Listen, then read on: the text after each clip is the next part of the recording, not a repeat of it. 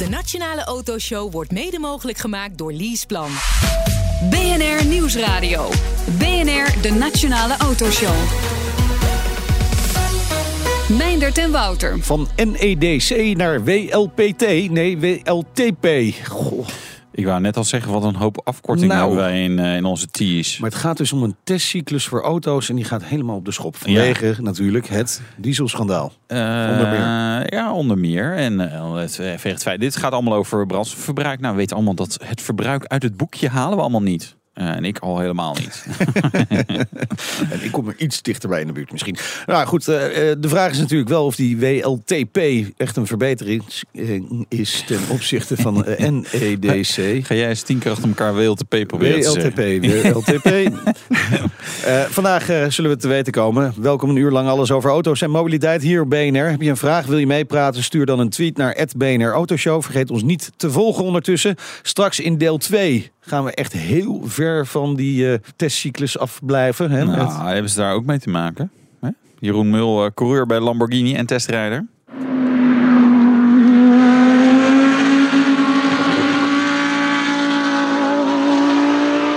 Is de Lamborghini Huracan, hè? GT3. Ja, de racer. Ja, Ja. en dan zit hij dan dag in dag uit zit hij in die herrie. Heel rustig rijden Ja. om eh, die testcyclus goed eh, te benaderen. Ja, ja, ja. Moet heerlijk zijn om daarin te mogen rijden. Ik heb een keer de NEDC-testcyclus eh nagereden. Daar heb ik ook een video van opgenomen. Jeetje, dat is echt, dat is, dat is echt verschrikkelijk om te doen. In de polder, in, eh, in Oh de Flevopolder. Ik was blij dat we... Op een gegeven moment denk je... Hey, ik zie over een kilometer achter ons zit een, een tractor. Dan moet je toch even rekening eh, mee houden of, of hij niet in de weg inhalen. Ja, ja, echt. Nee, echt waar? Ja, nee, het gaat allemaal zo langzaam. Belachelijk. Nou ja, we gaan het over die testcyclus voor auto's hebben. Vanaf vandaag geldt wereldwijd dus de WLTP, de Worldwide Harmonized Light Vehicles Test Procedure. En iemand die daar alles over weet en uren over eh, de invulling van de test vergaderd heeft, is eh, William Tots. Hij is eh, Executive Director bij Transport and Environment, de Europese organisatie voor schoner, veiliger en slimmer vervoer. Welkom. Na 20 jaar komt er een einde aan de NEDC, de New European Driving Cycle. Eh, nou wisten we allemaal wel een beetje dat die aan vervanging toe was, maar kun je nog uitleggen waarom eigenlijk? Wel, de, de NEDC was, was inderdaad compleet achterhaald en er waren, er waren twee grote problemen met de NEDC. En het ene probleem was de manier waarop er het, het rijden gesimuleerd werd, hè, zoals net gezegd werd, Ja. was totaal achterhaald. Was, er werd over gezegd, zo reed mijn oma in de jaren 70. dus het heeft niks te maken met hoe wij vandaag rijden, Nee. in de stad of op de snelweg. En het andere, en wellicht nog grotere probleem met de procedure, was dat die, dat die eigenlijk zo lek als een zeef was. Dat die heel slecht gedefinieerd was. En dat dat heel veel ruimte gaf aan fabrikanten om allerlei trucs te gaan uithalen om het verbruik ja, op een artificiële manier naar beneden te halen. Ja. Ja, maar noem, maar noem- even- noem eens zo'n truc. Dat is altijd wel leuk. Wat, wat deden ze? Wel, Wat een van de dingen ze? die ze deden, ze mochten testen tussen 20 en 30 graden. Dus wat Ja. ze altijd deden, was op de maximale temperatuur van bijna 30 graden testen. Ja. Omdat je op die manier, ja, dan is je motor wel warmer, dan zijn de testomstandigheden optimaler. Maar de gemiddelde temperatuur in Europa is 14 graden. Dus dat, Ja. dat, is, Dus Ja. dat zijn dingen die, die veranderd gaan worden. hè? dat, zijn, Zeg maar- dingen, dat Ja, zijn dingen die in de maar toekomst ook andere dingen. eh, spiegels mochten verwijderd worden. Eh, hè, die zorgen natuurlijk voor meer weerstand. De naden van de auto's mochten afgeplakt worden. Allemaal van dat soort trucs werden eruit gehaald. Hè? Er werd met banden gereden waar, waarop, waar je de weg niet meer zou op mogen, dat soort dingen. Als dat allemaal niet meer mag, is het verschil tussen de NEDC-testcyclus, hè, die oude, niet meer, Hmm. die niet meer voldoet, en de nieuwe cyclus, is die dan heel erg groot? Wel, het verschil, het verschil zal ongeveer eh, 15 tot 20 procent zijn. 15 tot 20 procent is waar we nu van, van uitgaan. Maar het is natuurlijk zo dat die test is gedurende vele jaren onderhandeld. En eh, Ja. die, zal, die test zal niet perfect zijn. Nee. Er is een, is een soort van compromis tussen eh, ja, wat milieuorganisaties en consumentenorganisaties wilden. Ja. En wat de autobouwers en de, ja, en, en de regeringen wouden toelaten. Ja, want op het begin voldeed, dat zei je ook net, hè, de- op het begin voldeed die NEDC-testcyclus natuurlijk wel. Of beter dan de laatste jaren in elk geval. Weet je, de, de NEDC is uitgevonden, is, is uitgevonden eerst in de jaren 70 en is dan in de jaren 90 verder ontwikkeld. En zo. Ja, De, de, de bedoeling van de NEDC was nooit om als basis Nee. te dienen voor fiscaliteit en voor CO2-normering. En men heeft dat daarvoor gebruikt, omdat ja, dat was nu eenmaal beschikbaar. Maar Ja. zo ga je Maar, de, maar ja, is dat verschil tussen eh, praktijk en test in die jaren ook groter geworden? het, het verschil is enorm veel groter Ja, geworden. We zijn van ongeveer, groter? van ongeveer 10% naar boven de 40% gegaan in Een Ja. dikke tien jaar. Eigenlijk, maar eigenlijk ook hand in hand met het strenger worden van CO2-regels. hè? Want we, we de hebben- fiscaliteit. Ja, ja, in Nederland weten we daar alles van. Ah, België natuurlijk ook. Absoluut, Eh, ja. oh, het wordt een stuk eh, duurder als die net iets meer eh, verbruikt. Maar dat weten we eigenlijk al een tijdje. Want hoe lang zijn jullie al bezig met het vervangen van de NEDC-cyclus voor iets anders? Weet je, in eh, 2007, 2008 was er een discussie over CO2-normen voor auto's. En toen wisten we al dat we een andere testprocedure nodig hadden. We wisten toen dat die NEDC totaal ontoereikend was. En sindsdien zijn we daarover aan het onderhandelen. En dat is, ja, dat is toch al een dikke tien jaar. Hè. En waarom duurt dat zo lang? Wel, eh, één, omdat in Europa alles verschrikkelijk lang duurt. Ja. En twee, omdat je, ja, bon, je wilt met de, de WLTP is een wereldwijde procedure, met de Ja. Japanners, Ja. de Koreanen. En het gaat over enorme industriële belangen. Hè. Ja, ja. Ja. ik, ik kan me voorstellen dat dat misschien nog wel het, het allerbelangrijkste is. hè. Zo'n Volkswagen-concern, is misschien een beetje flauw om de hun erbij te houden. Maar het zijn enorme bedrijven en enorme bedragen en enorme werkgelegenheid wat er gemoeid mee is. Dus, dus kan je daar als, als eh, Europese eh, ambtenaar nog een beetje tegengas tegen geven? Of, of is dat eigenlijk al bijna niet meer te doen? Dat is eigenlijk, eigenlijk is dat moeilijk, hè? omdat je, die bedrijven zijn enorm groot, die hebben enorme technische expertise, die hebben zeer veel geld om de beste, Ja. beste mensen binnen te halen. En daar zit je dan met drie, vier functionarissen van de Europese Commissie, met een paar consultants, op te boksen tegen ja, miljarden concerns. En dat is natuurlijk extreem moeilijk. En dat is bijvoorbeeld heel anders in Amerika, waar als ze wetgeving proberen in te voeren, dat ze daar een veel sterkere administratie hebben om dat dan ook te doen. Dat is ook het milieuagentschap in Amerika. Dat zijn de jongens die Volkswagen gepakt hebben. Ja, ja, ja, ja. zijn ja, veel better resourced dan de Europese Commissie bijvoorbeeld. Dus jullie willen ook meer macht. Of valt het mee? Ja, veel meer macht voor Europa. ja. Nee, maar hebben, de Amerikanen dan ook eh, de, een beetje de leiding genomen in deze nieuwe afspraken voor die nieuwe testcyclus? Wel, zij dit- daar in zo sterk in staan. In dit geval doen ze eigenlijk ze doen niet mee aan de WLTP. Ah, daar doen ze niet aan mee. dus hij maar- is toch niet helemaal worldwide? Nee, het is niet helemaal worldwide. Nee, maar bon. Voor, ja. We hebben nu die NEDC-cyclus.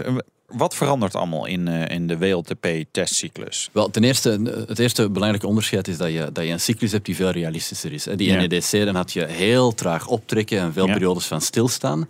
Dat verklaart bijvoorbeeld waarom start-stop een hele populaire technologie is geworden, omdat dat zeer goed werkt op een testcyclus, op de Ja. NEDC. Ja. Dus dat verandert. Die testcyclus wordt veel realistischer, wordt een beetje harder gereden, een beetje dynamischer gereden, er wordt ook langer gereden. ja. Ehm, en dan de procedure wordt, eigenlijk wordt alles veel, veel, ja, veel gedetailleerder omschreven wat mag en wat niet mag. En dat is wat er verandert. Oké. En vanaf 2017, eh 18 moeten de constructeurs al hun nieuwe auto's gaan testen. En dan krijgen alle nieuwe auto's krijgen nieuwe verbruikswaarden en nieuwe CO2-waarden. Zo. Dat heeft nogal eh, wat administratieve en andere gevolgen, eh, lijkt mij. Hebben we al een idee hoe het eh, verschil gaat zijn tussen, tussen de WLTP-uitkomsten en, en de NDC-uitkomsten? Ja, het verschil gaat ongeveer 10, eh, 15, Ja. 15 à 20 procent zijn. Ja, ja, dus als je vandaag eh, 100 gram CO2, dan ga je richting 115, 120 115, ja. En dan Ja. wordt een auto in, eh, in Nederland eh 5000 euro duurder of zo. Met, eh, nou, hoeveel belasting zit erop? Nee, ik weet niet. Dat zou even moeten. Nee, maar die, die fiscaliteit, ja, daar hebben we wel een probleem hier in Nederland. Wel, dat, geldt in alle landen. Hè. Dus Ja? in alle landen zal de fiscaliteit moeten aangepast worden. En waarschijnlijk zal er een soort van overgangsprocedure zijn Ja. waarbij WLTP-resultaten worden terugvertaald naar NEDC. Ja. Ja. En dan vanaf 2019, 20 of zo gaat alles Ja, wanneer, wanneer zien we de eerste auto's die WLTP-verbruikscijfers eh, op het boekje hebben staan? Ja, normaal in de volgende maanden. Maar ik heb nog niet van de Nederlandse overheid gehoord hoe ze dat gaan belasten. Dus hoe, hoe gaat het gebeuren? Dat, maar dat weet ook Nou, niet. vol- volgens mij heeft Wiebes aangekondigd dat eh, het geen probleem gaat zijn. Voor, Nee, maar hij vindt niks een probleem. Dat ze- dat ze nee, het is allemaal geen nee, nee, nee, probleem. nee. Ja, joh, Dat- dat ze het gaan repareren Dat regelt de volgende regering wel. Dat ze het gaan repareren. Dat, dat probleem. En volgens mij gaat het pas op zijn vroegst volgend jaar in. Maar eh, voor Nederland, 2018. Alle grote nieuwe modellen die je op de markt brengt, moeten vanaf nu getest worden volgens WLTP. Oké. Maar er gaan niet zo verschrikkelijk veel nieuwe modellen op de markt Nee, maar komen. het gaat, de vraag is of je de fiscaliteit daar al aan koppelt. Aan Ja, die, je zal wel moeten, want je hebt geen NEDC-resultaten, of wel? Wel, niet voor de nieuwe modellen, maar wel voor alle modellen die vandaag op de markt zijn. Nee, Ja, ja, ja maar voor de nieuwe modellen. Dus, maar stel, eh, Volkswagen kondigt morgen de, de nieuwe Golf aan. Gaan ze niet doen. Maar stel, stel dat, dan moet daar een WLTP-cijfer aan hangen. En hangt er dus geen NEDC-cijfer meer aan? Of, Nee. En de, manier, de manier waarop men dat heeft opgelost is een soort van... eh, men heeft een heel eh, model gebouwd. Dat heet Ja. het kompasmodel. En met het kompasmodel kan je die WLTP-cijfers terugvertalen naar NEDC. En het, het interessante is dat de manier waarop dat gebeurt... is dat dus het verschil tussen WLTP en NEDC Ja. is ongeveer 15%. En in kompas wordt eruit gegaan van 20%. Oh ja. ja. Dus daar zit een klein verschil op. En dat, Mag, eh, mogen fabrikanten vrijwillig eh, volgens eh, WLTP nu al eh, cijfers uitbrengen? Absoluut, ja. Absoluut, ja. Ja, want ze hebben, je hebt dus nu al 5% eh, verbruikswinst als je dat doet. Het verschil is 15% zeg je, maar ze, ze mogen 20% compenseren. Dat zou, dat zou je inderdaad kunnen doen, Ja. maar ik veronderstel dat ze... zou je kunnen doen. Ja, je zou ook de spiegels eraf kunnen halen. Ja, wie gaat dat nou doen? Ik heb mensen op idee gebracht. Zometeen had de Dieselgate eerder ontdekt kunnen worden met deze nieuwe testcyclus. Dat zometeen. BNR Nieuwsradio. BNR, de Nationale Autoshow. Zo dadelijk meer met onze gast, maar eerst is het tijd voor het eh, nieuwsoverzicht van deze week, Wouter. En er zijn nieuwe auto's verkocht in ons land. Meer zijn er, nieuw, zijn er nieuwe auto's verkocht? Er zijn nieuwe Oh, auto's verkocht. Ja, het Ja. gaat goed met Nederland. Ja, nou, vooral als je dan kijkt naar de top 3, hè. De Peugeot 108, dat is echt een premium eh, duur eh, ding. En dan de Kia Picanto, dat is ook zo'n 10.000 euro, dat is toch geld. Renault Clio, dat, eh, dat, die is de nummer 1. Het zijn joekels van Het auto's. zijn joekels van auto's. Dus ik denk dat het ook allemaal dikke motoren zijn, eh, Nederlanders eh, kennende. Dit jaar al ruim 288.000 nieuwe auto's verkocht. Dus 14,5 procent in de plus. Nou, Nee, maar dat is geen goed nieuws. Ik zal uitleggen waarom. Nou, omdat vorig jaar werden er heel veel auto's aan het eind nog geregistreerd. Want dan had je nog lage bijtelling. Eh, wat je nu krijgt, is dat het weer omgedraaid wordt. Dat mensen aan het begin van het jaar eh, die auto's willen hebben. Dus je zal zien, straks in november en december zakt het in. Want dan wacht je nog even een maandje met kenteken aanvragen. Want dan heb je een auto uit 2018. Ja, en als je die top 3 ziet, ja, dat zijn dan niet echt eh, dikke auto's. nou, wel dikke auto is dan de Porsche Cayenne. ja, En die is onthuld, de nieuwe. ja, de nieuwe. Ja. Dat was heel handig. Ze hadden een eh, kentekenplaat van, met de datum eh, van die dag erop. Dan kon je ook meteen zien dat dat de nieuwe was. Voorkant niet heel sprekend anders dan ook maar iets anders van Porsche. Eh, achterkant wel wat meer Porsche Panamera Sport Turismo achter. Ja, voorlopig nog maar twee varianten. Een eh 3 liter 6 cilinder benzine met turbo en met 340 pk. 0 tot 100, 6,2 seconden. En een 2,9 liter V- V6 B-turbo 440 pk, ook benzine. 0 tot 100, 5,2 seconden. Dan Bentley komt met een nieuwe Continental GT. Ja, 80 kilogram lichter. hè? Kijk zo. Eh, ja, dat telt. Ja, het telt wel. Ah, het is natuurlijk looie auto's, dus dan Ja. kan je er ook wel snel wat afhalen. 6 liter twin turbo, die nieuwe W12, 0 tot 100, 3,7 seconden. Topsnelheid. Doe niet aan begrenzen in Engeland. Dus 333 km per uur. Ik vind hem wel mooi, denk Ja. ik, als ik hem zo eens heb gezien op plaatjes. We gaan over twee weken in eh, Frankfurt kijken. Ah, nice. Zeker. Anderhalve week. En wat hebben we daar nog meer? Ja. Mini Electric. Dit is toch de afknapper van de week weer. Waarom moet dat een conceptcar zijn? Weet je, dit, dit- kijk even naar Tesla. Ik bedoel, dat is ook allemaal preproductie conceptauto's die die eh, beste Elon Musk verkoopt. Nou ja, maar verkoopt ze, tenminste ze zijn wel. er ook ontzettend lang al mee bezig. Ja? Heb jij niet ooit een keer in Ja. zo'n elektrische mini Ja. eh, gereden? Ja. Dat was echt het hoogtepunt van eh, het Ah, jaar. dat was hè? top. Ja? Nou, het was wel leuk, maar het was echt nog in een hele vroege fase van de elektrificering van de automobiel. ja. Maar ja, we willen graag eh, elektrisch rijden. Waar dat in ieder geval niet in kan nog. De nieuwe Dacia Duster. Wat een mooie brug. Mooi, jongen. Hey. Ik dacht eerst van voren, nou, is helemaal niks veranderd. Waarom sturen ze zo'n zo'n ronkend persbericht over een auto die niet veranderd is? Maar dat is niet waar. Hij is wel echt wel anders. Maar het schijnt zelfs dat de Laurens van der Akker er zich persoonlijk, hè, dus de designchef van Renault. En een Nederlander. En Dacia en hoort daar eh, ja. onder Renault. Nou, Toffe peer. Maar die heeft zich persoonlijk met het design bemoeid. ja, ik, ja, ik vind hem wel leuk. Ga jij die eh, nieuwe Duster testen? Ik heb de vorige getest. Ja, ik, maar ik heb... Is een beetje jouw beurt. Nou, laten we Nautum ophalen en dan eh, neemt hij wel wat Nou, we kijken wel. We gooien een dubbeltje op. BNR Nieuwsradio. BNR, de Nationale Autoshow. Te gast is William Tots. Hij is de grote baas van Transport en Environment, de Europese organisatie voor schoner, veiliger en slimmer vervoer. We hadden het net over de nieuwe testcyclus voor auto's, hè, de WLTP. We hadden het er al over, die geldt echt voor alle nieuwe auto's die nu op de markt komen hè, Ja, in Europa. klopt. Ja. Gaan wij als consument er nog echt iets van merken? Wel, de bedoeling is dat consumenten betere informatie gaan krijgen. En dan op basis van die betere informatie beter, betere keuzes gaan kunnen maken. Want vandaag heb je een situatie waar niemand nog gelooft wat er op het papiertje staat. Nee.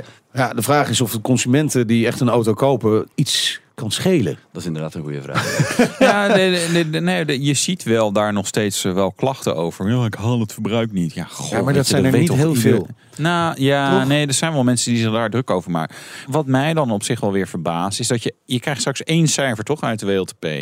Terwijl mijner bijvoorbeeld rijdt veel meer, die rijdt veel harder. Nee, maar weet je, als je, als je meer snelweg rijdt eh, versus eh, als je gewoon veel in de stad en uh, binnendoorwegjes. Eigenlijk wil je ook dat soort cijfers er toch wel uit kunnen halen. Je zegt van, goh, wat, wat doet zo'n auto nou als je gewoon 130 rijdt op de snelweg versus eh, ja, 80 op, op, een, op, een, op een buitenweg. En dat zit er ook wel in. Hè. Dat Ja. zit in de WLTP. De, de, de WLT het ene cijfer is gebaseerd op een gemiddelde van Mhm. stads, stadsrijden op eh, regionale banen en op de snelweg. Maar je, kan- je kan niet die cijfers eruit halen. Goh, Dat kan, je, dat kan je wel. En dat kan je nu ook voor de NEDC. Kan je ook zien wat je in stadsverkeer zou, zou, zou doen. Dat, Ja. dat, kan je wel, dat kan je wel zien.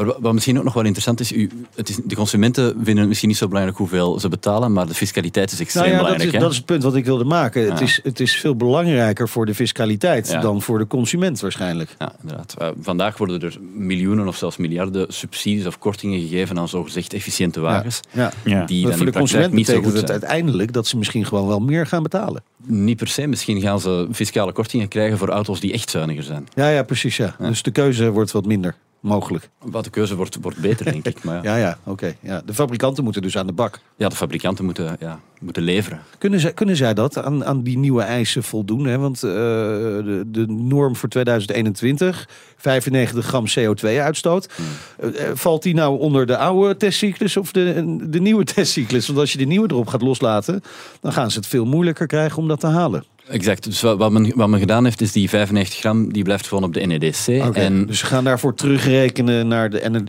ja, inderdaad, inderdaad ja. En daar heeft men een heel ingewikkeld model voor, voor ontwikkeld. Ja. Ja, oké. complex. eh, Maar dan eh, valt het dus eigenlijk nog wel mee voor die fabrikanten. Dat valt inderdaad nog wel mee. En er is ook, er is ook wel behoorlijk wat technologie die ze kunnen gebruiken. Ja. Ja. Maar ze moeten wel auto's echt op een andere manier gaan ontwikkelen. Potentieel. Dus in die start-stop systemen, die, die zie je misschien straks wel helemaal niet meer terug. Wel, die start-stop systemen zijn, zijn iets minder interessant op een, eh, op een echte procedure. Ja, in de realiteit sta je gewoon niet zo vaak stil. Maar er is heel wat technologie. Er is dus allerlei motorverbeteringen, betere banden. Er zijn eh, allerlei hybride systemen, er zijn elektrische wagens. Er is heel wat dat, dat fabrikanten kunnen doen. Ja. Alleen hebben ze de laatste jaren heel veel ingezet op de, op de, op de cyclus en op de procedure en Ja. heel weinig op nieuwe technologie. Nou ja, behalve dan software. Die, Exact, die, ja. die, die er moet voor zorgen dat Ja, was toch behoorlijk innovatief. Ja, dat was heel erg innovatief. dat, dat, die, eh, dat die testcyclus eh, gepiepeld werd eigenlijk. Hè. Twee jaar geleden brak Dieselgate uit. Eh, gaan we later deze maand nog wat eh, verder op in. Ja, ze hebben een jubileum hebben we dan Ja. van Dieselgate. Dat is leuk joh, daar Maar- Wolfsburg. Maar had bijvoorbeeld deze eh, eh, nieuwe testcyclus, de WLTP-test... had die ervoor kunnen zorgen dat Dieselgate eerder was ontdekt? Nee, eigenlijk niet. Omdat ten eerste gaat de WLTP gaat over CO2 en Dieselgate ging over, over luchtvervuiling, Ja. over stikstofdioxide.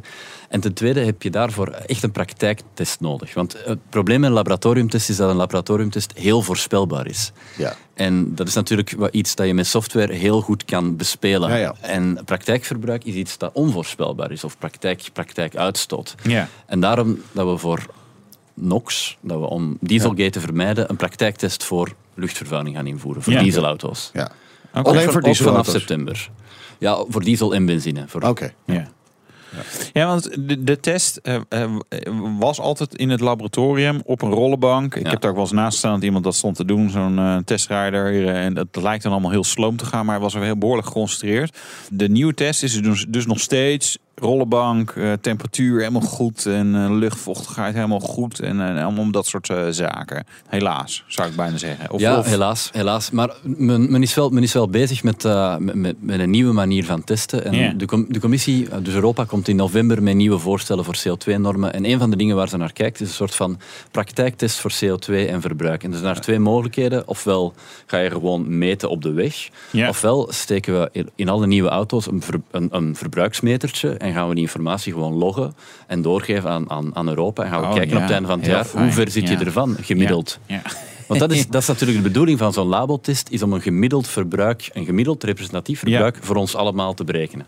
Maar ja, die, de- de- dat iedereen mee kan kijken met, eh, met hoe, hoe ik rij en wat ik verbruik, dat vind ik dan misschien toch iets minder eh, leuk. Ja, maar die, die informatie die, die zal niet op individueel, uw naam zal daar eh, wellicht niet, niet op staan. Ja. Nee, toch niet? Dus Lijkt me niet heel wel. verstandig. Hey, maar met, met zo'n norm is het natuurlijk altijd zo... als je norm hebt, gaan mensen de randjes opzoeken. Mm. De grenzen opzoeken. Dat, dat gaat nu natuurlijk gewoon weer gebeuren. Dat die autofabrikanten gaan kijken van hoe kunnen we tegen de randen aan gaan zitten. En misschien wel hoe kunnen we de maasjes vinden die ook in deze wet weer zullen zitten. In deze test. Dat klopt, ja. Dat is zoals, zoals fiscaliteit. Als je hoge belastingen hebt, Ja. dan is het onvermijdelijk dat, eh, dat daar mensen gaan proberen eh, de randjes op te zoeken. En daarom is het zo belangrijk om iemand te hebben die controleert wat er gebeurt. Ja. En dat is eigenlijk het probleem in Europa, dat er geen controle is. Nee, maar Nee. gaat dat nu gebeuren? Gaat Europa strenger controleren? Europa gaat strenger controleren. Ja. Ja. Dus er Hoe komt dan? Er, hoe dan? Ja. Wel. Ah, om het simpel te zeggen, de Duitsers keuren het grootste deel van de auto's goed. Ja. En alleen de Duitsers kunnen die certificaten terugnemen. Ja. Natuurlijk gaan de Duitsers de certificaten van Volkswagen en BMW niet afnemen. Nee. Wat in de toekomst zal zijn, is dat als de commissie vermoedt dat er een probleem is, dat de commissie zelf testen kan doen en dat de commissie zelf actie kan nemen. En dat zij ook boetes kunnen gaan uitdelen aan fabrikanten die, ja, die dingen doen die niet kunnen, die sjoemelen. Ja. Dat is vandaag gewoon niet mogelijk. De commissie heeft daar heeft geen enkele macht. Nee. Nee, nee. Je kunt zeggen foei en dan, eh, dan, dan lachen ze even in Duitsland of in Frankrijk. eh, en dan, eh, nou, dat is het dan. En die test, dat, dat is dan weer de laboratoriumtest die je dan weer gaat doen. Of dan zeggen, want in Amerika kwam het ook pas weer naar voren, pas op de weg. Hè, nadat iemand op, eh, op de weg eh, test had uitgevoerd. Dus je, je, je moet best ver gaan om, om, om sommige dingen te kunnen aan te tonen qua sjoemelen. Op het einde van de rit moeten we, we moeten naar een praktijk, een praktijktest gaan voor, voor alles. Want die, die labotesten die zijn heel voorspelbaar en, en constructeurs vinden dat heel fijn. Maar op, op, op, op het einde van de rit maakt dat niet zoveel uit wat er in het labo gebeurt. Wat echt uitmaakt is wat er in de praktijk Ja. gebeurt. Ja, maar ja, we kunnen, we kunnen niet bij iedereen een, eh, ballon aan de uit laten hangen om, eh, om volgens het einde van de dag Nee. te kijken. Nou, wat hebt u uitgestoten vandaag, eh, Maar meneer? kijk, er zit, er zit zeer, zeer veel software in auto's. En al die, Ja. die, al die informatie over wat, wat, wat jij doet in je auto, die, die is waarschijnlijk geweten door jouw fabrikant. Dus Ja. communicatie tussen jouw auto en, en, en, Ja. je, en je fabrikant. Het is niet zo moeilijk om die verbruiksinformatie in een anonieme database te steken en dan gewoon allemaal samen te combineren. En dan weten we wat een, wat een Ja. golf gemiddeld verbruikt in Europa. Ja. We krijgen wel wat interessante vragen binnen. Arie Klut die vraagt hoe speelt WLTP in op eh, PHEV, hè, de plug-in hybrides. En EV, eh, krijgen we daar ook een verbruik- en uitstootcijfer van? Zowel voor de hybrides als de plug-in hybrides kom- komen er, komen er veel betere ehm, verbruiksmethodes. Maar ook daar, ook daar zal je zien dat, dat, niet, dat het niet perfect zal zijn. Nee. Nee. Nee, want je begint met een volgeladen accu en dan zeg je nou, verbruik van 1 op 20 en dan als je, maar als je dan 200 kilometer rijdt, ja, dan is En het, accu al gro- het 10 grote keer leeg. probleem met de plug-in hybrides is ook, weten we of mensen al, laden mensen eigenlijk hun, hun plug-in hybride op, ja, Ja. of nee? En dat, Ja. dat kan je niet testen Ja. in een labo. Nee, maar dat kan je wel met die software, kan je lekker mensen op controleren. Eh, Nou ja, met, dat- met, met, met ele- volledig elektrische auto's is natuurlijk, ja, de uitstootcijfers zijn niet zo heel erg interessant. Het gaat met name om wat erin gaat natuurlijk. Daar, daar zouden mensen ook wel cijfers over willen hebben. Want er gaan de wildste verhalen ro- er rond. hè. Als we, nou, ja, al die kolencentrales die eh, staan te blaffen en die, die elektriciteit daarin duwen. Wat voor uitstoot geeft dat met zich mee bijvoorbeeld? Wel, ga- dat gaan we niet in, eh, in een nieuwe proberen, proberen capteren. Maar eh, elektrische wagens zijn verschrikkelijk veel efficiënter dan eh, verbrandingswagens. Mhm. Ja. Dat is een heel, heel groot voordeel. Ja. En ja, er is, er is ja, dat komt omdat je er eh, gewoon maar 90 mee kan rijden op de snelweg. Dat, Is, dat is, ja. dat, is dat zo? Ja. Ja, jongen, om een beetje ver te kunnen komen, eh, dan, eh, dan moet je echt wel een fluwelen voetje. Ja, Maar eh, wordt, eh, om niet even of, te- of Tesla-rijders daar ook zo denken. Ja, maar jawel. Nou, ja, sommige. Maar krijgen we wel een verbruikcijfer? Want in Amerika heb je wel gewoon... Hij gebruikt zoveel eh, kilowattuur eh, elektriciteit om zoveel miles in dit geval te rijden. Gaan we dat ook krijgen voor elektrisch rijden met eh, de WLTP? normaal gezien wel, ja. Oké. Normaal gezien. Over elektrische auto's gesproken. Hè, als gevolg van Dieselgate onder andere willen steeds meer autofabrikanten sneller overschakelen naar eh, de verkoop van elektrische auto's. Eh, we krijgen ook eh, steeds meer modellen te zien. Wat, wat zegt je gevoel? Willen fabrikanten dat ook echt? Of zijn het toch een beetje loze beloftes? Want we hebben ook wel heel veel concepts van bepaalde merken gezien die hier nog steeds niet met een echte elektrische auto zijn. Ik denk dat Dan, dat ze met twee, twee gedachten spelen. Langs de ene kant zijn ze bang dat ze de, ja, dat ze de nieuwe golf missen. Uh, omdat ze, dat Tesla veel sneller gaat, dat de Chinezen veel sneller gaan. En willen ze dus investeren. Langs de andere kant zijn ze natuurlijk dieselproducenten. En zouden zij graag zo lang mogelijk diesel verkopen in Europa. Ja, dus aan de ene kant uh, verkopen, maar aan de andere kant ook de verkoopcijfers van hun diesels op orde houden. Kijk, ik denk dat uh, als je kijkt naar de Europese fabrikanten, dat zij vandaag niet de leiders zijn. En nee. dat zij ook die ambitie niet per se hebben, omdat ja, hun, nee. hun IP is diesel. Dus ze moeten een duwtje hebben eigenlijk. Ja, een quotum, niet een duwtje. Gewoon, uh, ja. gewoon uh, meteen zweep erover. 10% EV's verkopen. Moet, moet, er zoiets komen? Wel, dat is, dat, dat is wat ik vind. Ik, uh, ja. als, je kijkt naar, als je kijkt naar Californië en, en ook naar China, toch ja. zeer grote automarkten, daar heb je, heb je een quota voor elektrische wagens. En ik denk als we in, in Europa in de toekomst uh, ja, ook nog willen meespelen, als we ook in Europa elektrische auto's willen produceren, dan, ja, dan zullen we iets sneller moeten beginnen gaan. En ja, dat zal maar, niet maar, automatisch Maar gaan. wordt hier ook daadwerkelijk over nagedacht of over gepraat in Brussel? Daar wordt over nagedacht en het, ik, ik, ik, denk dat het niet onwaarschijnlijk is dat er een soort van vorm van quotum ja. um, zal voorgesteld ja, worden in maar dan november. uh, 1%, 5%, 10%? De cijfers weet ik niet, maar als je kijkt, uh, Volkswagen spreekt van 25% in uh, 2025. Dat is, misschien, dat is misschien ambitieus, maar misschien dat de helft daarvan wel mogelijk is. Ja. 10, 10% iets meer. Ja. Ja, maar als jij nu zou mogen kiezen, zou je dan zeggen 10%, 20, 25 moet gewoon het quotum zijn? Punt? Ik zou zeggen ja, 15%. Ja. ja, en wanneer komt die beslissing? Want je zei in het begin al, Europa, dat gaat meestal niet zo snel. Wel, in dit geval november. In november. dus dat is niet Echt zo verschrikkelijk? Ja. En dan duurt het natuurlijk nog even voor het ook goedgekeurd Maar goed, we gaan het in de gaten houden. Dankjewel voor de komst naar de studio. William Tots, uh, Executive Director van Transport and Environment uh, vanuit Europa. Ja, en zometeen hebben we Jeroen Mul, coureur bij Lamborghini. En ik reed in een concurrent, hè? Ja, een Ferrari GTC 4 Lusso T. Nou. Tot zo. De Nationale Autoshow wordt mede mogelijk gemaakt door Leaseplan. BNR Nieuwsradio. BNR, de Nationale Autoshow. Meindert en Wouter. Het begon allemaal als hobby, maar die is toch wel een tikkeltje uit de hand gelopen. Hij is nu coureur bij Lamborghini en we hebben het over Jeroen Mul. Ja, Meinert. Dachten Ja. wij dat we het goed Ja. voor elkaar hadden. Ja. Maar uh, Jeroen, uh, die staat hier ook gewoon in de studio. Ja, Ja, ja. ja, die doet veel leukere dingen. Nou, Nou, wij doen ook leuke hij heeft dingen. niet de Opel Ampera i eh, gereden, denk ik. Bijvoorbeeld. Eh, nee, nog Dat niet. klopt. Nog niet, zegt hij wel. Eh, We gaan wel wat tegengas geven, want straks rijden wij zelf eh, in een auto van Lamborghini's aardsrivaal Ferrari, de GTC 4 Lusso T. Dit is echt een raket.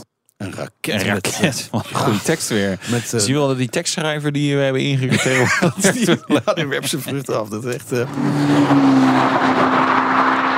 Nou, en die geluidstechniek is ook... Ja, mooi Hè? hè? V8?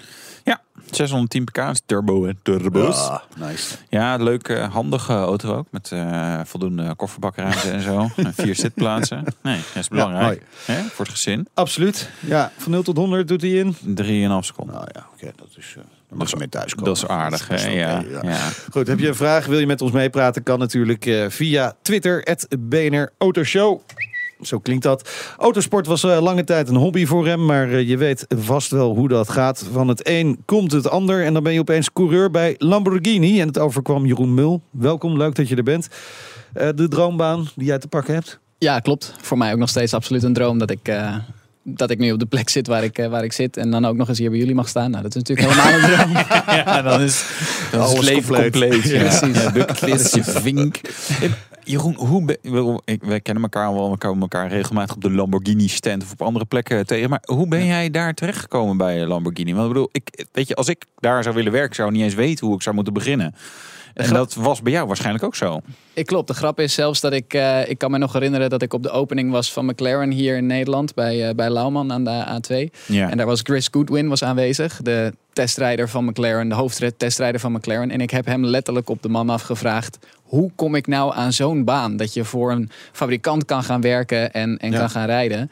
Ja, en dan komt hij natuurlijk met een heel verhaal dat voor hem tot stand is gekomen. Waar je uiteindelijk niet zo heel veel mee kan. Omdat dat, ja, dat, dat moet maar net zo op zijn plek vallen. En ja, ik weet niet of het dan toch eh, het lot was of zo. Maar voor mij viel het inderdaad precies zo op zijn plek. Maar dan met Lamborghini. Ja. Ik ben... eh, Hoe dan? Ja. Ik heb ooit... Ik, nou, ik ben Niet ooit, dat we er wat aan hebben blijkbaar, maar ik vind het wel leuk om te horen. Nee, goed. Ik, eh, ik ben ooit eh, als, als kind heel hobbymatig begonnen met, eh, met autosport, met karten. Ik kom niet uit een autosportfamilie. Dus het is bij mij echt begonnen nadat ik ongelooflijk enthousiast thuis kwam van een kinderfeestje waar we zijn geweest karten. En mijn ouders zeiden van, nou, volgens mij heb jij nog nooit zo enthousiast over iets gezien. Misschien dat we dat eens vaker moeten proberen. Maar echt heel hobbymatig, eens twee keer in de maand hoogstens was dat. toen ik nog jong was. En door de jaren heen is dat, eh, is dat uitgestroomd of eh, uitgegroeid Ja. tot wat actieve race, ook competitie karten. Op mijn vijftiende mijn racelicentie voor auto's gehaald. Toen ik dat eh, realiseerde dat dat mocht in het jaar dat je 16 wordt. Eh, Ja, mooi, ja. ja, dus dat zijn. eh, en, en vervolgens ehm, ehm, langzamerhand de autosport ingerold. Maar ook dat was echt heel hobbymatig in het begin.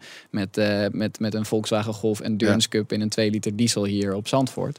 En door de jaren heen, dus inderdaad door klasses heen gestroomd. Uiteindelijk ben ik eh, in 2014 benaderd, of eind 2013 eigenlijk benaderd door een Duits raceteam. Wat op dat moment met een Lamborghini Gallardo GT3 reed. Nou, die auto die werd op basis van een straatauto omgebouwd tot raceauto. En dat was dan een GT3 raceauto. Oh ja. Maar die werd niet als raceauto door Lamborghini gebouwd. En ik heb daarmee met die auto meegedaan aan de 24 uur van Dubai in januari van 2014. ja. En bij dat evenement waren engineers van Lamborghini aanwezig die op dat moment kennis aan het opdoen waren voor het nieuwe, nieuw te vormen motorsportafdeling, de nieuw te vormen motorsportafdeling van Lamborghini. Waar ik op dat moment Ja. geen weet van had. Oké. Eh, ik wist niet dat die mensen daar aanwezig zouden zijn. Ik wist ook niet dat eh, al die plannen er lagen bij Lamborghini. En die hebben mij toen daar in Dubai zien rijden met, eh, met die Gallardo. En aan het einde van de race, nadat we tweede waren geworden, aan het eind van de 24 uur van Dubai zijn we, ben ik benaderd door een van die engineers met de uitnodiging: kom volgende maand eens bij ons praten in Santa Agata. Oh. Ja, inderdaad. Ja. Dus nou ja, goed. Een maand later zat ik, zat ik aan tafel met eh, de, het nieuwe hoofd van Lamborghini Squadra Corse, de nieuwe motorsportafdeling van Automobili Lamborghini in Bologna. En heeft hij mij het hele plan wat Lamborghini had voor de nieuwe motorsportafdeling uitgelegd en mij ehm, opgenomen in het eh, Young Driver Development Wow, Program van Lamborghini. Wat cool. Maar hoe serieus was Lamborghini daarvoor? Want dit, dit zijn serieuze plannen die jij voorgeschoteld kreeg. Ja. Hoe, hoe serieus waren ze daarvoor met motorsport bezig? Niet Nee. Dat was, dat was het, eh, het hele ding. Lamborghini is ooit begonnen als straatautofabrikant. Als je naar een, con- een, een concurrent als Ferrari kijkt, Ja. die zijn begonnen met raceauto's en daarna ja. straatauto's gaan bouwen. Bij Lamborghini is dat andersom gegaan. Maar eh, na 50 jaar waren de straatauto's van Lamborghini dusdanig goed dat ze inderdaad aan het concurreren waren met merken als Porsche, Ferrari en McLaren, die wel een raceprogramma hebben Ja. in Ja. internationale GT-klasses eh, actief met elkaar eh, de strijd aangaan.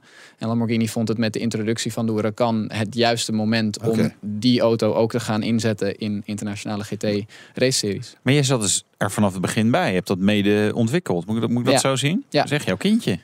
Ja, Ja. ja. klopt. Ja. Hoe, hoe heb ik, ben ik daar nou gekomen? Ja, het was echt de juiste plek, juiste tijd. Ja. Ik, ik kan Ja. daar verder ook. eh, Nee. ik, en ik heb op het juiste moment inderdaad het juiste kunnen laten zien. Ook. Ja, ja maar je bent, ja, ik, wat, wat ik wel grappig vind, wat heel erg spreekt uit jouw verhaal, is uit enthousiasme. Weet je, kinderfeestje, eh zelfkarten, hobby, weet je, je tijd instoppen. Je, nou, en, ja, en, en als je enthousiast bent over iets, dan, ja, dan gebeuren er soms mooie dingen. Soms ook niet. En mijn, heb ik nou, ben er wel enthousiast over, maar het gebeurt toch niet. Ja, Maar ja. dat is, wel, dat is Ja. natuurlijk wel inspirerend. Vind ik wel eh, gaaf. En we- wat doe je dan allemaal bij eh, Lamborghini? Behalve hard, Hard rijden. hard rijden en champagne drinken als je hebt gewonnen. Dat soort dingen. Je hebt vast ook wel wat serieuze taken. Ja, nee, nee klopt. Ehm, eh, wat je daarnet ook al zei, ik ben er vanaf het begin af aan bij geweest. Dus het allerbelangrijkste in eerste instantie was het ontwikkelen van de raceauto's die echt dan door Lamborghini werden gebouwd op basis van de Huracan, ons- eh, het V10-model van Lamborghini. Ja. Ja. Dus ehm, eh, in dat eerste jaar zijn we druk bezig geweest met in eerste instantie de ontwikkeling van de Lamborghini Huracan Super Trofeo. De cup racer van Lamborghini zelf, die in drie continenten wereldwijd met dus een eigen kampioenschap waarin 25, 30 in sommige in het Europese kampioenschap zelfs 40 identieke Lamborghini Ja. Huracan eh super trofee's tegen elkaar racen. Dus het ontwikkelen van die raceauto. En daarna ook inderdaad het ontwikkelen van de Huracan GT3, waarmee ik nu zelf nog steeds actief ben. Dus de raceauto waarin wij internationaal in GT3 kampioenschappen de strijd aangaan tegen alle andere grote merken. Dus dat was, dat was in de basis in eerste instantie het meest serieuze deel van, van mijn activiteiten. En daarbij is op dit moment, dus eh, eh, bijna vier jaar later, mijn hoofdactiviteit nog steeds het racen met de Huracan GT3. Dit jaar in het, eh, in het Amerikaanse sportscar kampioenschap, de IMSA WeatherTech Sportscar Championship. Maar daarbij inderdaad ben ik ook instructeur bij de eh, rijtrainingen en rijbelevingen van Lamborghini die we wereldwijd organiseren. Ja, dan zie ik af en toe eh, Instagram eh, in de, van de winter in de sneeuw met een avondoor en zo. Dat, is eh, ook wel leuk. Ja. Wat, wat vind je leuker? Zelf racen toch nog altijd? Of is dat training geven ook wel... eh, Het is heel moeilijk om daar. Kijk, uiteindelijk is, is het racen. En wat ik persoonlijk zo leuk vind aan racen, is het gevoel van echt op de limiet rijden met zo'n auto. En dat je volledige controle hebt over zo'n machine. Ja. En inderdaad echt op, Ja. het, op het allerscherpste randje ehm, aan het rijden bent. En Dat is, dat is hetgene wat mij ooit als kind inderdaad eh, enthousiast maakte in zo'n kart. En dat is wat ik nog steeds heb, maar dan nu in een Lamborghini met 550 pk.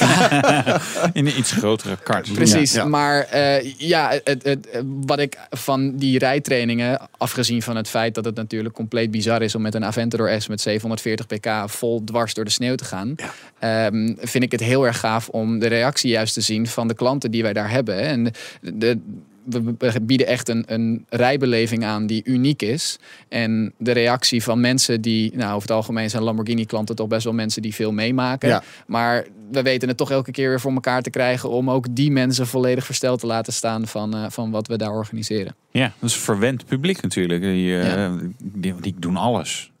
Ja. En, en dan kom jij met je rijtraining. Nou, we gaan slalommen en dan een keer hard remmen. Nee, het, het zit Daar meer hebben we in. een wak. We- Wakker oppassen. Eh, maar stel dat uh, Meijnert en ik een keer een leuke eh, rijtraining eh, moeten doen. Wat zijn, wat zijn de opties? Hoe komen we ertussen? Eh, nou ja, goed. We, bieden met Lamborghini drie versies eigenlijk aan. We hebben de Esperienza. De Esperienza is eh, nou, het Italiaanse woord voor beleving, hè, experience. Ja. Eh, dat is echt gericht op mensen die zeer geïnteresseerd zijn in het kopen van zo'n auto. Maar eigenlijk we nog we een zijn ook heel geïnteresseerd. Zeker. Dat geloof ik niet met- ja, nee. en ik, eh, ja, ik heb eigenlijk een beetje een voorloper van, eh, van eh, Gallardo. Hè. Audi TT is ook eh vierwiel aangedreven Volkswagen product. eh, oh. Ja, Sportauto. Don't go there. Ja. Je hebt er nog, nog geen Lamborghini sticker achterop geplakt. Nee, nee, nee, zo erg is het niet. Nee. Oké, de Esperienza. Esperienza is dus echt een beleving voor mensen die interesse hebben zijn auto Ja. te kopen. En in een Esperienza organiseren we eigenlijk de ultieme proefrit. Dus als je dat, als je dat al zo kan Ja. noemen. Eh, we doen dat in Europa voornamelijk in Imola, wat vlak bij de fabriek van Lamborghini is. Dus dan kom je aan, heb je eerst een bezoek aan de fabriek waarbij je langs de productielijn gaat van het model waar je interesse in hebt. En de volgende eh, dag nemen die mensen een hele dag mee op het circuit van Imola in die hele modelrange waarin we alle aspecten van die auto demonstreren en ze dat eh, kunnen beleven. Eh, dit is echt iets waarvoor je eigenlijk ook moet uitgenodigd, uitgenodigd moet worden via een dealer, omdat het echt zo'n Ja. ultieme sales Ja. tool is eigenlijk om, eh, Ja. om mensen over de streep te trekken. Dus als, als eh, de firma PON eh, wat minder dieselgate in de autoshow wil, dan moeten Meijners en ik worden uitgenodigd. Nee, ik vind het een goede deal. Zal, zal ik even appen naar de PR-manager? Ja, doe maar even ondertussen. En praten eh, ja, precies. Er kan vast nog meer. Wat, wat, eh, wat Nou ja, kunnen we nog meer doen? En, vervolgens hebben we, hebben we de Academia. Dat zijn echt de, de wat meer rijtrainingen die open zijn voor, voor iedereen. Daar kan iedereen zich voor inschrijven en een, eh, een entree daarvoor kopen via de Lamborghini website. En eh, dat organiseren we op de mooiste circuits wereldwijd in de zomer. En in de winter dus inderdaad op sneeuw en Ja, ijs. Eh, daar laten we het volledige modellengamma zien. En, ehm, en, en mogen, mensen die, eh, mogen die mensen die beleven. En gaan we nog iets dieper in echt op rijtechnieken en, ehm, en, en echt meer rijtraining. Daarom heet het ook de Academia, de, de Ja. race school van Lamborghini. En dan als toppunt hebben we de Lamborghini Academia Pilota. Nou, Pilota is coureur. Ja. Eh, en dat is een, een zeer exclusieve beleving op eh, Las Vegas Motor Speedway Ja. in Amerika. Waar je een volledig raceweekend in een Lamborghini Huracan Super Trofeo gaat Ja, dit meemaken. soms dingetje. Ja, ik ben altijd niet in Las Vegas geweest, dus dat kan wel weer. Eh, heb je ook veel eh, een soort pannenkoeken erbij? Dat je denkt, jezus, moet ik deze gat vast wat leren? Of valt het je nog mee? Het lijkt mij als rijinstructeur namelijk altijd het meest vervelend. Dat je denkt, joh, nou, met deze gozer of vrouw op Nee. pad. Ja, nou ja, goed. Het, het ding is nog altijd dat iedereen met genoeg geld om zijn auto te kopen, zijn auto kan kopen of zo'n Ja. rijbeleving kan gaan doen. Ja. Ehm, dus het komt voor. Het Ja. komt absoluut voor. Maar eh, ja, de, de evenementen zijn er ook wel dusdanig op ingericht dat we ook die mensen Ja. een hele leuke dag kunnen laten Met- beleven. met de bot- en het voor ons ook nog wel enigszins, het enigszins veilig kunnen houden. Ja, Ja. absoluut. Ja. Hey, eh, jij weet dus echt alles van eh, eh, Lamborghini. Ik ben benieuwd of je ook geluid kunt herkennen. Een klein eh, geluidstestje. Wat hoor je hier?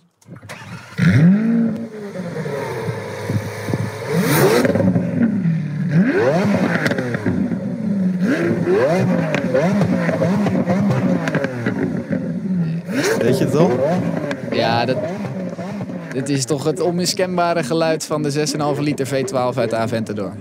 S. S. Ja, dat verschil je natuurlijk bijna niet. Nee, precies. Oké. Hij is fijn. Op, Hij is terug, fijn, hè? op terugschakelen hoor je dat als het goed is beter. Want Oké. De S knettert wat meer. Zometeen gaan we Jeroen Mul met Lamborghini ooit in de Formule 1 zien. BNR Nieuwsradio. BNR, de Nationale Autoshow. Dat betekent dat we gaan rijden. De rijimpressie. En dat doen we met een eh, Ferrari voor het hele gezin. Wouter test de GTC4 Lusso T. Ik snap het wel als jullie af en toe erg jaloers zijn op Meijnerd en mij. We allemaal leuke auto's rijden. Ja, en deze auto, ja, hier worden mensen echt hysterisch van. En dit verzin ik niet, maar echt buurmannen, buurjongens, buurvrouwen, wildvreemden, allemaal mensen ja, komen toch gewoon even kijken. Want dit is niet zomaar een dure auto of een sportauto. Maar dit is een Ferrari. En het maakt dan blijkbaar ook weer niet zoveel uit wat voor soort Ferrari. Want ja, staan er gewoon allemaal bij te kijken. En ze weten toch ook allemaal wel... Dit is toch de Ferrari 4? Nee, dit is niet de Ferrari 4. Dit is de opvolger. En Ferrari heeft altijd wel iets met moeilijke namen. Dus deze naam is ook niet heel makkelijk of voor de hand liggend. Maar dat maakt niet uit. Het zijn Italianen die... Dat hoort ook bij de charme van het merk, vind ik. Hè. Is de GTC4 Lusso T. En die T, dat is een belangrijke toevoeging. Want dat betekent dat dit niet de V12 is met vierwielaandrijving. Maar dat dit wel de V8 is met twee turbo's. En dit is wat dat betreft echt een bijzondere Ferrari. Want dit is eh, volgens mij de enige en eerste Ferrari ooit die met twee verschillende motoren leverbaar is. Dat is echt atmosferische V12. eh, fantastisch natuurlijk. Maar voor in Nederland fiscaal vriendelijker. Nou ja, dat zal niet heel erg hebben meegewogen. Maar het is wel waar. Een V8 met turbo's die lagere uitstoot heeft. En qua prestaties, ik zal even een beetje terugschakelen.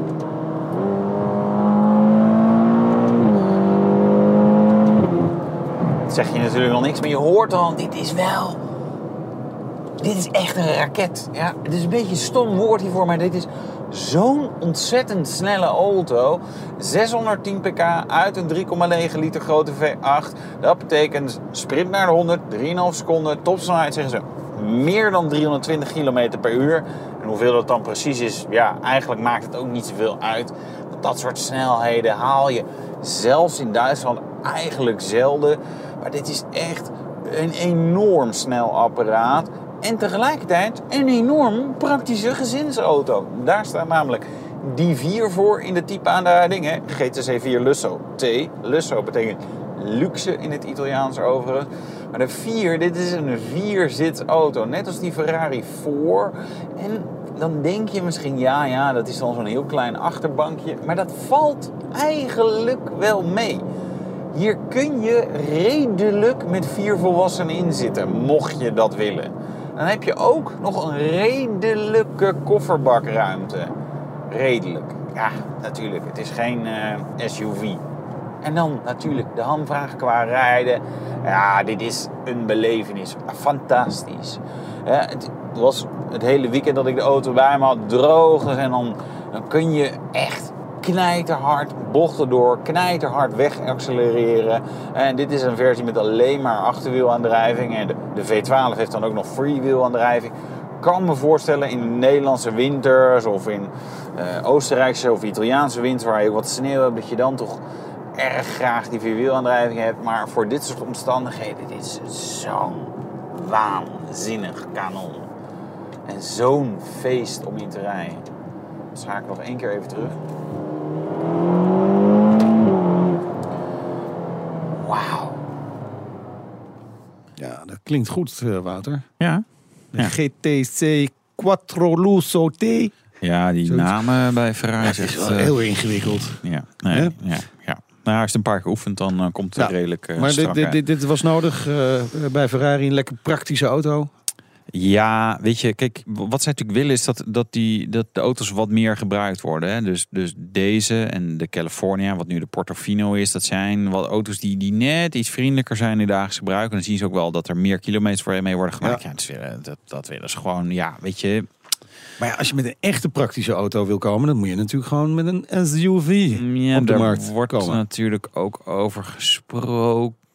Of dat echt komt. Ja, weet je, ik denk, het geld zit er natuurlijk wel. Hè. Je ziet Ja. het bij Porsche ook. Ja. Eh, maar aan de andere kant, ja, je breekt wel op een gegeven moment wel een beetje je merk af. Want het rijdt gewoon minder dan. Het is, het is nooit echt sportief. Nee, nee. Weet je, en zo'n ding moet gewoon eh 1000 pk hebben, anders is die gewoon niet snel, een SUV. En wat kost dit? De T is er vanaf 296.640 euro, zie ik op mijn eh, blaadje staan. Het zal Zo. wel ongeveer kloppen, denk ik. Ja, dat zal best wel. Is dat inclusief of exclusief eh, BPM? Eh, dat is inclusief, maar de gemiddelde Ferrari-koper die vinkt nog wel wat eh, opties en accessoires aan. Dus dat gaat er meestal nog wel iets overheen over de prijs. Dan komen we bij het eindoordeel. Ja. Ideale auto. Voor mijn moeder. Ja, ik denk, dan kan ik hem wel vaak lenen, maar heb, heb ik niet eh, de lasten. En ik leeg gewoon elke keer een lege tank in. Net als Ja. vroeger. Vroeger, eh, mijn moeder reed vroeger ook Italiaans. Fiat Panda. Oké. Dus net iets anders, maar Ja. wel een mooi upgrade. Dus eh, Zeker. vandaar dit eindoordeel. BNR Nieuwsradio. BNR, de Nationale Autoshow. En wij praten verder met Jeroen Mul. Hij is coureur bij Lamborghini en hij rijdt in de Huracan GT3. En dat klinkt dan dus zo als hij achter het stuur zit.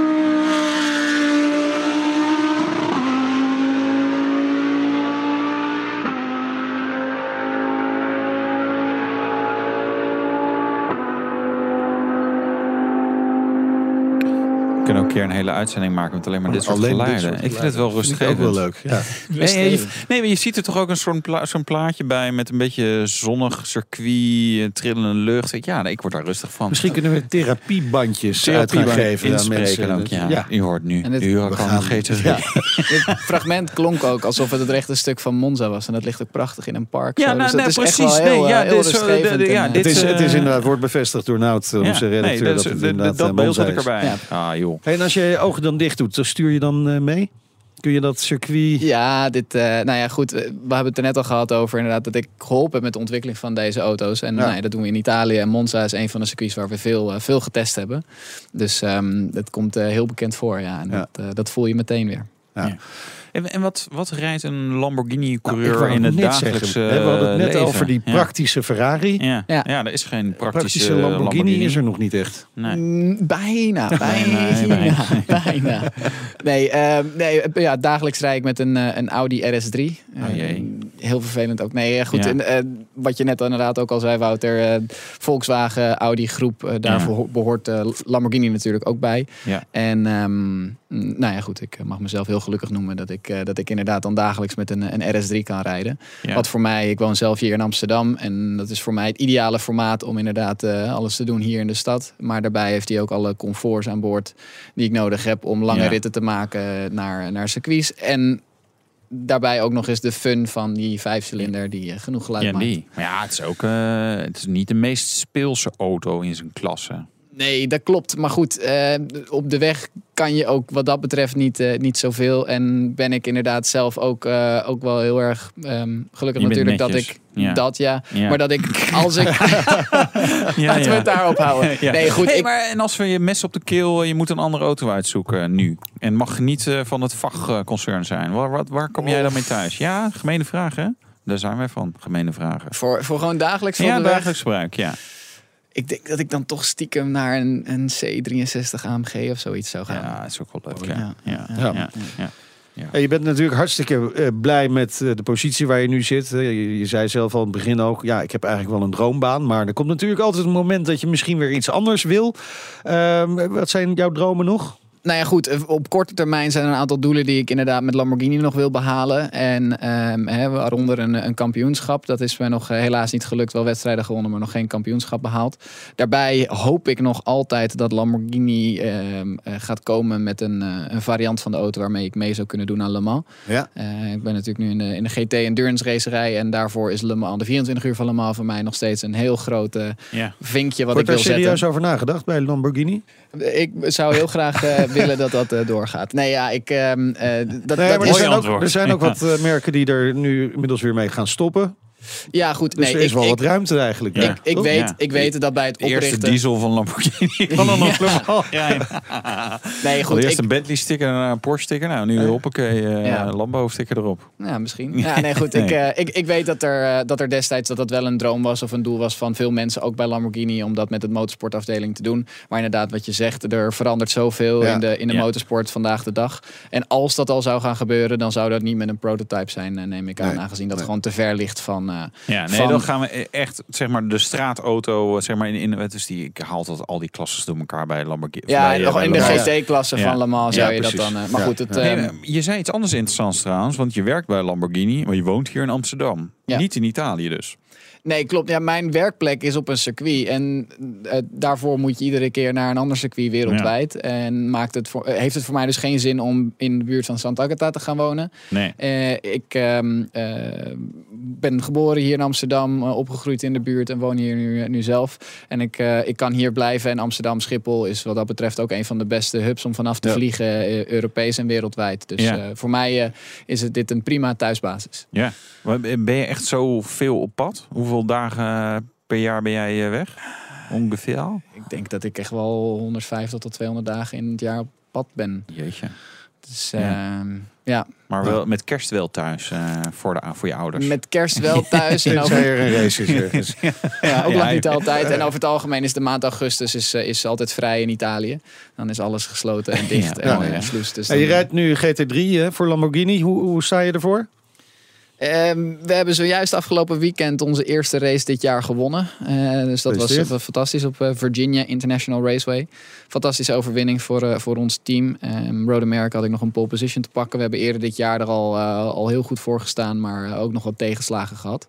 Dus in het kampioenschap moeten we nog wat klimmen. Maar we hebben al wel genoeg resultaten laten zien om te bewijzen dat we de performance hebben. Nou, mooi. We gaan je volgen. Dank eh, voor je komst naar de studio. Heel veel succes, Jeroen Mul, coureur bij Lamborghini. En Wouter, volgende week dan zijn wij er gewoon weer. Ja, en dan hebben we de leaseauto van het jaarverkiezing. Ja, ja, ik eh, zit in de jury. Hè. Dus Ja. ik ben nog, uh, nee, moet aan de bak. Ben de rondkopen, wou ik zeggen, maar dat is natuurlijk niet zo. Uh, en tot die tijd, volg ons Twitter, Facebook, ja. Instagram, uitzending, download, Spotify, podcast. Nou, en we eindigen gewoon hiermee, omdat het kan.